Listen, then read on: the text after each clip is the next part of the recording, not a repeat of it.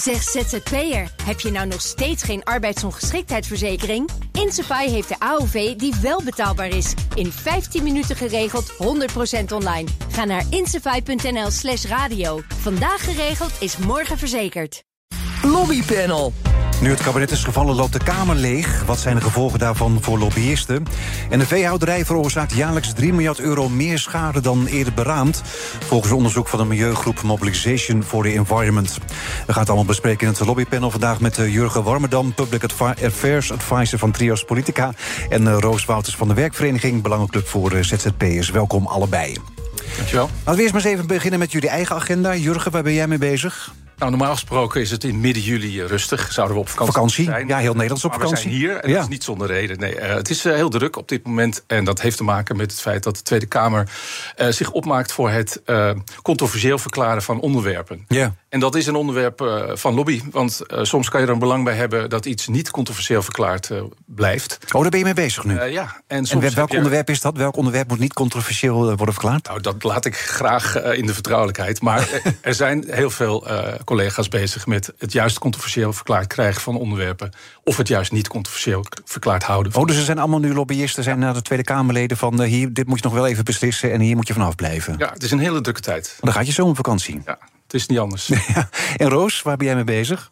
Ja, nou ja, de, eigenlijk het, het uh, nou ja, zorgen dat wij de wet uh, deregulering beoordeling arbeidsrelatie. De, DB, uh, ja, de DBA. DBA ja.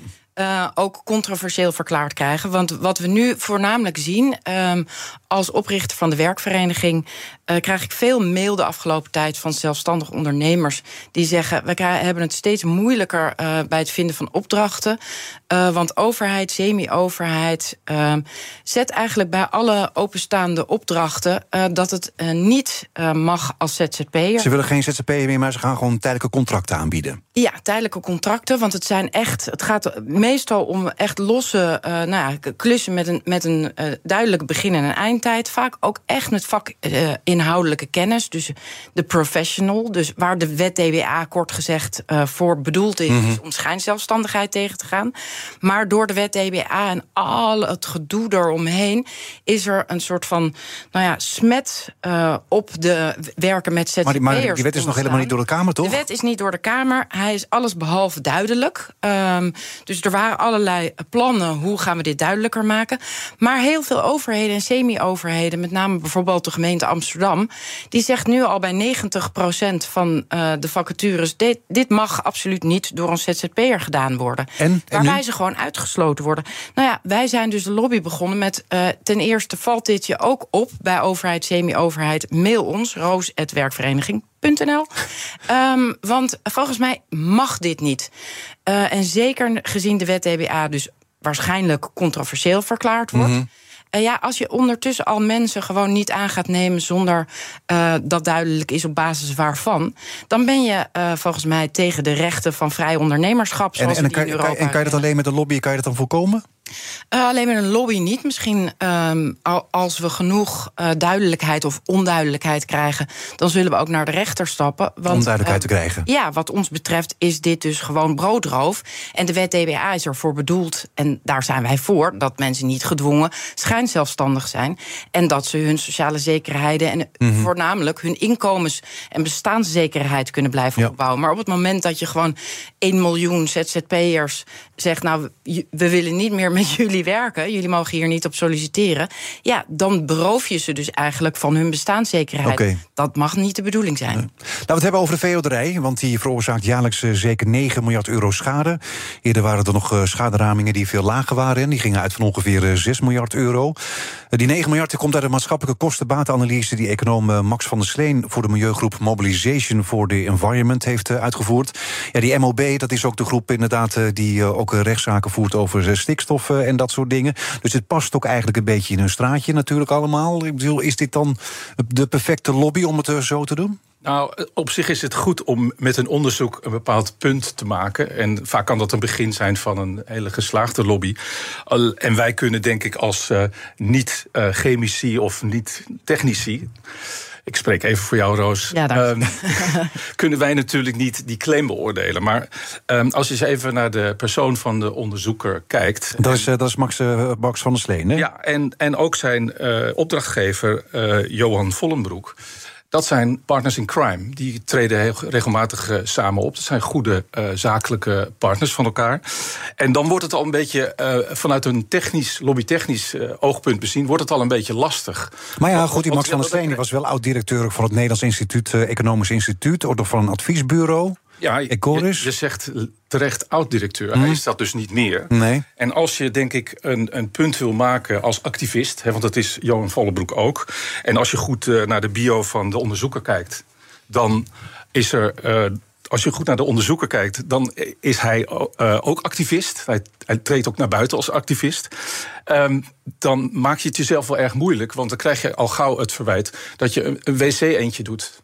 Ja, maar goed, ik bedoel, het heeft wel heel veel aandacht gekregen, dit onderzoek. Ik heb, Precies, we hebben ik heb het, ik heb volgens mij overal gelezen ook. Ja, we hebben het er nu ook over. Dus, dus de kanttekeningen die je daarbij plaatst, die zien veel mensen niet, denk ik. Nee, ik denk dat het een, een, een eh, ja, wat mij betreft uh, toch weer een goed moment is om dit onderwerp op de agenda te krijgen. Uh, nu ook in het zomerreces en met de val van het kabinet. Als je zeker wil weten dat het onderwerp besproken blijft, ja, dan. dan kan je denken, elk doel heiligt de middelen. Ja. Um, maar goed, er is nu een oud-directeur inderdaad uh, ingestapt. Je zegt al van, ze zijn uh, partners in crime. Hadden ze niet beter naar een onafhankelijk instituut uh, kunnen stappen... om dan dit onderzoek te laten doen... en dan dat je dan misschien kan zeggen van... ja, dit is betrouwbaar, dit klopt echt... waardoor je misschien nog veel meer impact hebt? Ja, nou ja, dat is in feite wat ik probeer te beweren. Het is, als je zo'n sterke claim hebt... Uh, ik begrijp zelfs dat uh, de Wageningen Universiteit soort van suggereert van nou, wij herkennen ons wel in het beeld dat geschetst wordt. Dan zou ik zeggen, laat dan het Wa de Wageningen Universiteit uh, die conclusies publiek maken en ga daar dan mee aan de haal. Dan heb je juridisch, want het is een juridische club, hè, die MOB. Ja, ja. Dan heb je juridisch ook veel betere argumenten om zo meteen mee te procederen. Ja, maar het gebeurt, het gebeurt natuurlijk heel vaak. Hè? Ik bedoel, als je als, als lobbyist, denk ik van, als je dan je boodschapkracht wil bijzetten, dan laat je een onderzoek doen. Uiteraard. En dat is ook een prima middel. Maar op het moment dat de onderzoekers te dicht bij jou als opdrachtgever zitten, hm. wordt je claim natuurlijk minder sterk. Maar ja, goed, ik moet het eerste onderzoek nog horen wat een andere uitkomst heeft dan dat de opdrachtgever graag zou willen. Toch? Nou, dat vind ik cynisch. Dat nee, vind ik maar dat, dat, is toch heel Ik bedoel, nou ja, uh, hier uit dit onderzoek zou niet gekomen zijn dat de veehouderij een grote bijdrage heeft aan de Nederlandse economie. Kijk, onderzoeksbureaus, in, onderzoeksbureaus in Nederland, daar zou ik toch wel een lans voor willen breken. Dat zijn onafhankelijke instituten en die verdienen hun geld omdat ze onafhankelijk zijn. Jawel, maar goed, maar meestal is, is, is, is de uitkomst van zo'n onderzoek toch wel enigszins een beetje in lijn met ja, de lobby. Ik, ik, ik, moet ook uh, een beetje kritisch zijn, want ik, een van de voorbeelden die ik heb zijn dat er zijn bijvoorbeeld op arbeidsmarktonderzoek uh, zijn er twee dekkers. Uh, namelijk Ronald Dekker en Fabian Dekker. En altijd, eh, dan staat er gewoon Dekker 2012. En dan kan ik eigenlijk meestal zien aan de inhoud uh, welke Dekker en dus ook welke opdrachtgever uh, het onderzoek heeft gedaan. Want de ene Dekker is voor een hele conservatieve, behoudende arbeidsmarkt, mm -hmm. waarin het vaste contract heilig verklaard wordt, en de andere Dekker niet. En ja, op de een of andere manier, tuurlijk probeer je als onderzoeksbureau onafhankelijkheid, maar je opdrachtgever heeft natuurlijk wel het liefst dat je op een bepaalde manier uh, uh, ja, je vragen stelt, omdat ze ook belang hebben bij een uitkomst. Ja, maar wat stel nou, je wil ergens voor lobbyen en je, en je laat een onderzoek doen. En, en, en, en de uitkomst van het onderzoek gaat tegen jouw lobby in. Dan ga je dat toch niet bekendmaken? Kijk, en daar, daar zit hem de crux. Ja, toch? Nee, maar daar, daar, daar zit, daar zit nog echt de crux. in, nee, Kijk, toch? eh, onderzoek is niet de enige methode om een geslaagde lobby te voeren. En stel nou dat je een onbewijsbare claim hebt en je wil hem laten ondersteunen door een onderzoek. En dat kan gewoon niet, omdat de onderzoekers zeggen, gelukkig maar, joh, die claim kan je helemaal niet, die kan je helemaal niet maken. Dan stap je dus af van het middelonderzoek en dan ga je iets anders doen. En dan ga je niet naar een onderzoeker toe die gewoon niet, niet betrouwbaar is. En ik bestrijd ook wat Roos zegt. Dat, dat de, de dekkertjes, ik ken ze niet. Dat vind ik, vind ik ook een beetje casuïstisch. Maar onderzoeksbureaus in Nederland zijn ongelooflijk hard bezig om objectief te blijven. Ja, want anders gaat de naam natuurlijk ook eh, Anders weg, kunnen ze geen geld meer vinden. Nee, nee oké. Dus wat van tevoren wordt het al een beetje kort gesloten van... we kunnen ongeveer eh, daarop Het uitkomen. komt regelmatig voor dat onderzoeksbureaus zeggen: ja, maar dit gaan wij zo niet doen. Nee, oké. Nemen we met vriendelijke groet afscheid. Ja, ik vind dit in principe een geslaagde lobby alsnog. Omdat ik denk, jij zegt, laat dat dan de Wageningen Universiteit doen. Nou, dat is dan nu op de radio gezegd. Dan is nu weer de Wageningen Universiteit aan zet. Dus in principe kan je wel op een veel makkelijkere manier uh, een, een statement maken waarop vervolgens wordt gezegd: Wageningen Universiteit, is dit een, een ondeugdelijk onderzoek. Ja, maar dat, daar is dit gesprek dus voor nodig. En ik kijk gewoon na een uurtje uh, googelen, zie ik gewoon deze twee mannen vrienden zijn. En denk van ja, dat heeft geen zin. Je moet zorgen dat dat een uh, betrouwbaar beeld oplevert. En dat is hier nu niet zo. Maar goed, het ministerie uh, wil ook niet inhoudelijk reageren op die berekeningen, op die 3 miljard euro extra schade dan eerder was berekend. Snap je dat? Is het slim van het ministerie om dan daar niet op te reageren? Ja, dat snap ik wel. Want misschien. Nou ja, ze, ze kunnen misschien ook uh, met eigen cijfers komen om het uh, te weerleggen. Nou, kijk, op het moment. Dus eigenlijk is hier al. De oplossing ligt al op tafel. Uh, de Wageningen Universiteit, en dat is wel een objectieve organisatie. Die heeft, die heeft gezegd. Nou, we herkennen ons wel in de cijfers. Dat betekent dat de overheid, mocht die ook een onderzoek willen uitzetten. Ook zal moeten buigen voor de feiten die misschien anders zijn dan dat zij ze hebben voorgesteld. En ik denk dat dat de reden is waarom ze even niks gezegd hebben. BNR Nieuwsradio. Zaken doen. Edwin Mooibroek. we zitten midden in het lobbypanel vandaag met uh, Jurgen Warmerdam van uh, Trias Politica en uh, Roos Wouters van de Werkvereniging. Ja, nu het kabinet is gevallen, ja, elke dag komen er wel weer Kamerleden die twitteren van ik hou ermee op, ik doe het niet meer. Ja, denk fractievoorzitter Azarkan, Sylvana Simons van Bijeen, ze verlaten allemaal de politiek. Wat zijn dan de gevolgen voor jullie hè, als lobbyist? Want ik neem aan dat jullie toch de afgelopen jaren wel een goede band met de Tweede Kamerleden hebben opgebouwd. Zeker. Het is um, in sommige gevallen ontzettend balen. En in andere gevallen is het juist weer, uh, nou ja, schept het nieuwe mogelijkheden. Want soms heb je ook dat bepaalde Kamerleden hebben besloten dat ze het gewoon, wat je ook zegt, niet met jou eens zijn. En dan is het fijn als er iemand anders komt. Precies, dan is het fijn dat je weer opnieuw kan zeggen: hallo, zullen wij elkaar leren kennen? Ja. En uh, ja, misschien heeft jouw voorganger uh, uit vervelende gesprekken eerder besloten dat ze het niet met je eens zijn. Maar dat biedt weer nieuwe mogelijkheden. Tegelijkertijd is het heel vervelend als je goed contact hebt gehad. Uh, dat je makkelijk ook elkaar kon benaderen. Dat je weet dat je, waar je elkaar op kan vinden en kan versterken. Of maar, maar, maar zijn er nu heel veel? Ik bedoel, blijft er nog iemand van je contacten over? Nou, twee kanttekeningen hierbij. Het is natuurlijk jammer als er goed contact weggaat. Dat is, dat is sowieso waar. Maar het zijn voor een groot gedeelte... het zijn de belangrijke uh, fractievoorzitters die uh, vertrokken zijn. Ja, maar ook heel veel individuele Kamerleden. Hè? En een aantal Kamerleden. Maar goed, ik wil even de nuance aanbrengen... dat de vakkamerleden uh, vooralsnog voor het grootste gedeelte blijven. En die contacten zijn ook goed. En daar doe je zaken mee. Maar als je het over zaken doen hebt... dan ben je natuurlijk... is, is de Tweede Kamer is de la, your last post. Hè? Mm het, een goede lobby uh, vindt niet in de Tweede Kamer plaats, maar die vindt op ambtelijk niveau, op de ministeries plaats. En daar verandert verder helemaal niets. Dus nee. het, is, het, is, een relatieve schade en het gaat om fractievoorzitters. Weet je, die, die gaan zich niet met ZZP bezighouden. Ik bedoel, kom op. Roos? Ja, uh, uh, ja, toevallig is een van de uh, Kamerleden die geen fractievoorzitter is, die nu heeft aangegeven weg te gaan, Bart Smals. Ja. Had ik goed contact mee, ja. baal ik echt als een stekker van. -huh. Um, dus wat dat betreft, ja. Hoe goed was de contact dan bijvoorbeeld? Uh, nou, uh, um, als hij bepaalde dingen uh, niet goed wist, mm. dan belde hij me soms om acht uur s ochtends op om te zeggen: hoe zit het eigenlijk? Kun je mij nuanceren? Want ik krijg allerlei verhalen, maar ik kan eigenlijk niet goed duiden wat is nou het bezwaar, wat zijn de voordelen. Dan kan je hem ook een beetje in een bepaalde richting duwen ook. Tuurlijk, ja. En hij heeft natuurlijk meerdere mensen die hij zo belt, maar het is wel heel fijn om meteen eventjes te kunnen laten weten van, nou, dit is waarom we er zo tegen zijn, mm. dit is onze zorg. Zo wordt het uitgelegd, maar zo werkt het in de praktijk. En ja, dan is het heel fijn als je makkelijk eventjes met elkaar kan sparren. Um, ja, en... Maar nu is er niemand meer die even kan appen, die kan bellen? Of? Nou, die er, niet die er zo voor open staat. Nee. Wat staan Kamerleden er eigenlijk voor open? Ik bedoel, hè, dat, dat je dan toch, toch nou ja, je, je, wordt dan even gebeld van hoe zit het nou precies? Dat je gewoon ook een bepaalde kant wordt opgeduwd? Ja, ze staan er zeker voor open. Kijk, de, het werk van een Tweede Kamerlid is uh, ongelooflijk uh, groot en complex. En, en het uh, zuigt alle aandacht op. En je moet je voorstellen, zo'n ZZP-dossier, wij weten daar toevallig heel veel van. Mm -hmm. Maar de, de, een kamer, voor een Kamerlid is het een fractie van, van, van wat hij moet doen. En de complexiteit van zo'n dossier versus de capaciteit die zo, die zo iemand daarvoor heeft. Dus de kennis komt eigenlijk van lobbyisten? Voor een heel groot gedeelte wel, ja. Dat is ook wel ernstig eigenlijk, toch? Als de, als de lobbyisten met eer en geweten en kennis van zaken hun argumenten. Wel, maar lobby, eh, lobbyistennaam zegt het al. Je probeert toch een bepaalde kant eh, probeer je iemand op te duwen. Ja, maar dat Ja, is toch wel, niet verkeerd? Nee, ik dat wou is net waar, zeggen, kijk, op het moment dat, dat je een lobby voert dat iedereen aan de tabak moet, ja, dan snap ik dat de, de, het, eh, de associatie negatief is.